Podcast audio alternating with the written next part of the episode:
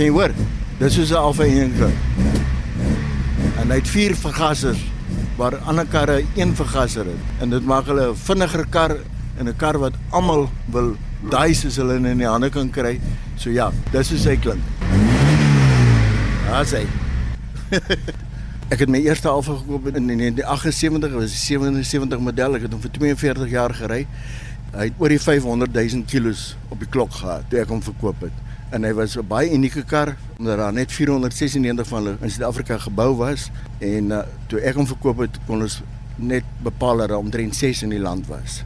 Ja. Jy is 'n trotse man. Ons gesels met Henry Walters, mede-stigter van die OP Alfa Romeo Club 41 jaar gelede. Maar as ek nou reg verstaan, ja, ek moet sê die engine klink half soos 'n simfonieorkes. Ehm um, as ek reg verstaan is daar geen Alfa Romeo handelaars meer oor in die baie nie, maar julle is nog baie aktief. Baie baie aktief. Ons het elke maand uh, dinge na doen wat ons doen. Daar's 'n kameradie in die klub wat skrik vir niks sien. Ek en een het net besluit, my mede stigter maat het besluit dat hierdie ding gaan ons maak werk. Toe in een is jaar is een die voorsitter. O, is hy nou weer die voorsitter? Ja. En een vrou staan ook hier by ons en nou moet ek net sodat die luisteraars hierdie prentjie kan sien. Hier staan twee bloedrooi Alfa Romeo's. Ek gaan nie eers probeer sê watter soort dit is nie en dan's daar so 'n silwer, ek wil amper sê 'n silwer sluiper. En Ian Vrey, jy's mede-stigter gewees 41 jaar gelede met Henry Walters, maar jy het vroeër iets gesê hier is nie meer 'n handelaar in die baai nie want die baaienaars is te arm om sulke sulke luukse karre te koop. Ja, Alfa Romeo's is nie goedkoop karre nie, maar hulle is niks duurder as die ekwivalente karre in die meeste ander make wat jy kry nie. En ehm um, ek het my eerste Alfa gekoop in 1978 en nog nooit weer eintlik regtig ander karre gehad nie. Op die oomblik het ek 4 Alfas oor en die kar wat ons nou na kyk jou silwer sluiper is 'n Alfa Romeo Brera. Van hierdie spesifieke model twyfel ek of daar meer as 70 in Suid-Afrika is. Jy het hulle gekry in 'n 4-silinder en 'n 6-silinder model.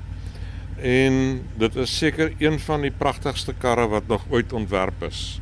Sê jy? Sê ek en duisende ander mense.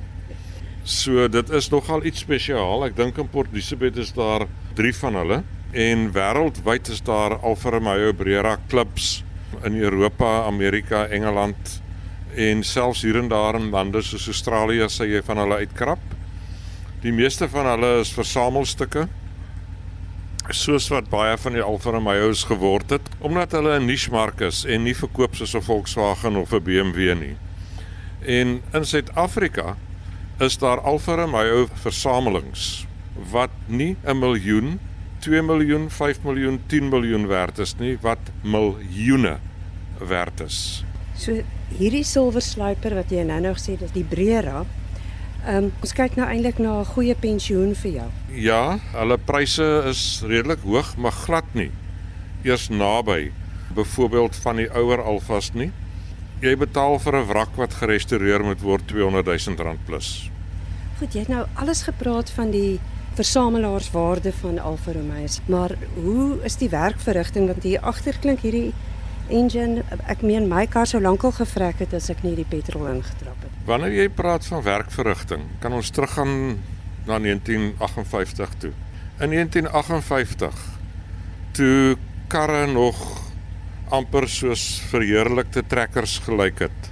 Toe het Alfa Romeo al 'n 5-spoed radkas in hulle karre gehad vierwiel skuifremme, 'n dubbel Nokkas engine en het hulle uit 'n 1300 cc enginetjie en karretjie het hulle gekry 'n 100 myle uur.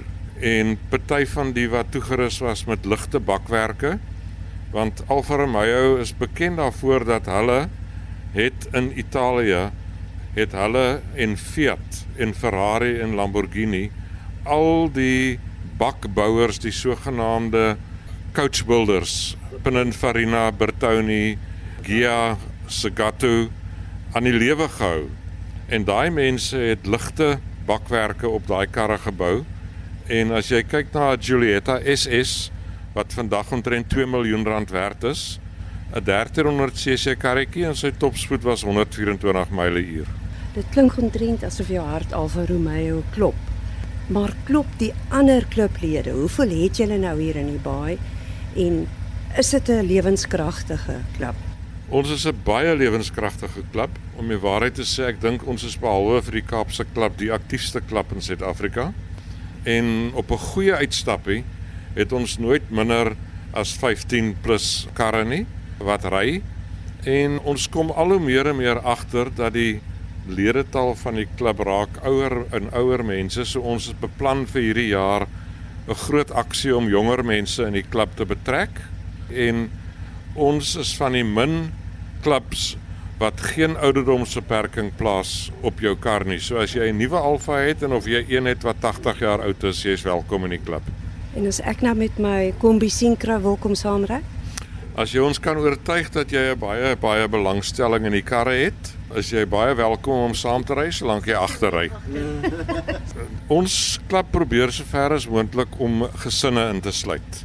En net soos wat Henry se vrou Glenda deel is van die klub en my vrou het Glenda gekies om 'n baie meer prominente rol in die klub te speel, beginnende met sekretaresse en op die oomblik is sy ons klub se tydskrif Alpha Talk se uh, redakteur. Glenda, jy staan hier en Henry het sopas gesê albei hierdie karre is joune. Albei karre is inderdaad myne.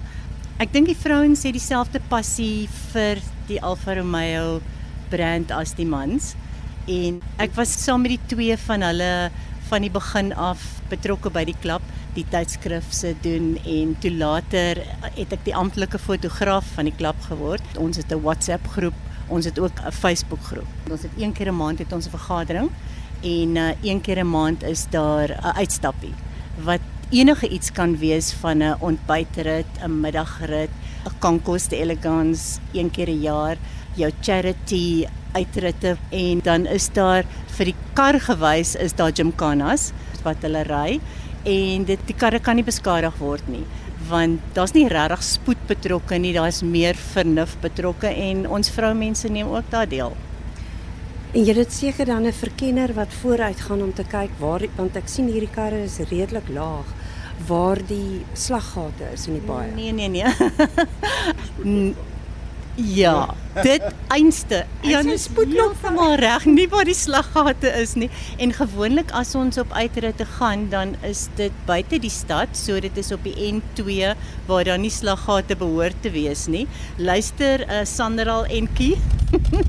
Goed, hierdie Julietta is 'n 2013 model, maar hy's nie 'n handelaar in die baai nie. So hoe koop die mense dan hulle ry hulle Kaap toe of wat doen? Nee, die meeste van ons as ons ander alvas wil bekom, dan doen ons dit aanlyn. Ek het byvoorbeeld in 2019 het ek hierdie ouetjie in die hande gekry nadat ek na omtrent 100 karre aanlyn gekyk het.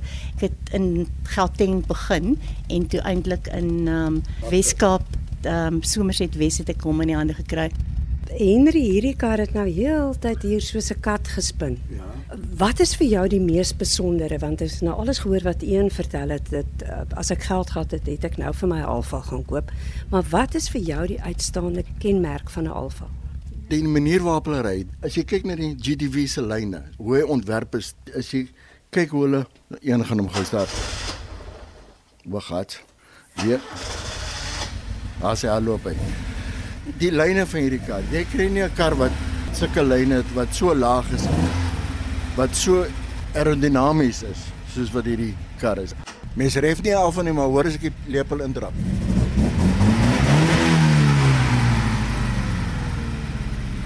Dit klink soos Grand Prix. Ja, byvoorbeeld hierdie motor wat ons hier by staan is van die eerste karre wat letterlik die eksotiese motors vir die gewone man beskikbaar gemaak het in die sin dat sy radkas en sy ewenaar sit agter en sy engine sit voor om vir jou 'n goeie gewigsverspreiding te gee.